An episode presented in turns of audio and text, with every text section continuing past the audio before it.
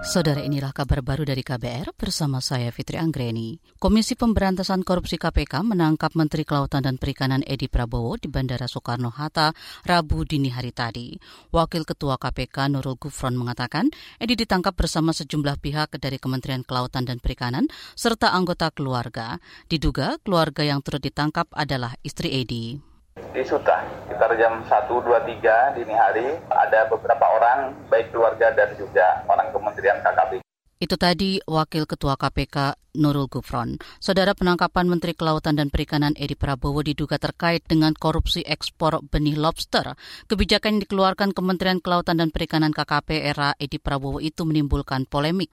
Pasalnya, hal itu sebelumnya dilarang saat era Menteri KKP Susi Pujiastuti. Susi lantas mengkritik kebijakan itu. Menurutnya, ekspor benur hanya menguntungkan pengusaha besar. Pertamina mengklaim konsumsi premium terus menurun. Juru bicara Pertamina wilayah DKI, Banten, dan Jawa Barat Eko Kristianto mengatakan pengguna premium di daerahnya sudah menurun bahkan penggunanya hanya sebesar 20 persen dan pengguna bahan bakar yang dengan oktan lebih tinggi itu sebenarnya trennya sudah baik ya meningkat gitu. Jadi kalau kita bicara di region 3 ini DKI Jabar dan Banten pengguna premium tuh sudah di bawah 20 persen, tinggal belasan persen ya pengguna premium sebenarnya gitu. Itu tadi juru bicara Pertamina wilayah DKI Banten Jawa Barat Eko Kristianto. Sementara itu juru bicara Pertamina Happy Wulansari mengklaim penurunan itu telah terjadi dalam beberapa tahun terakhir.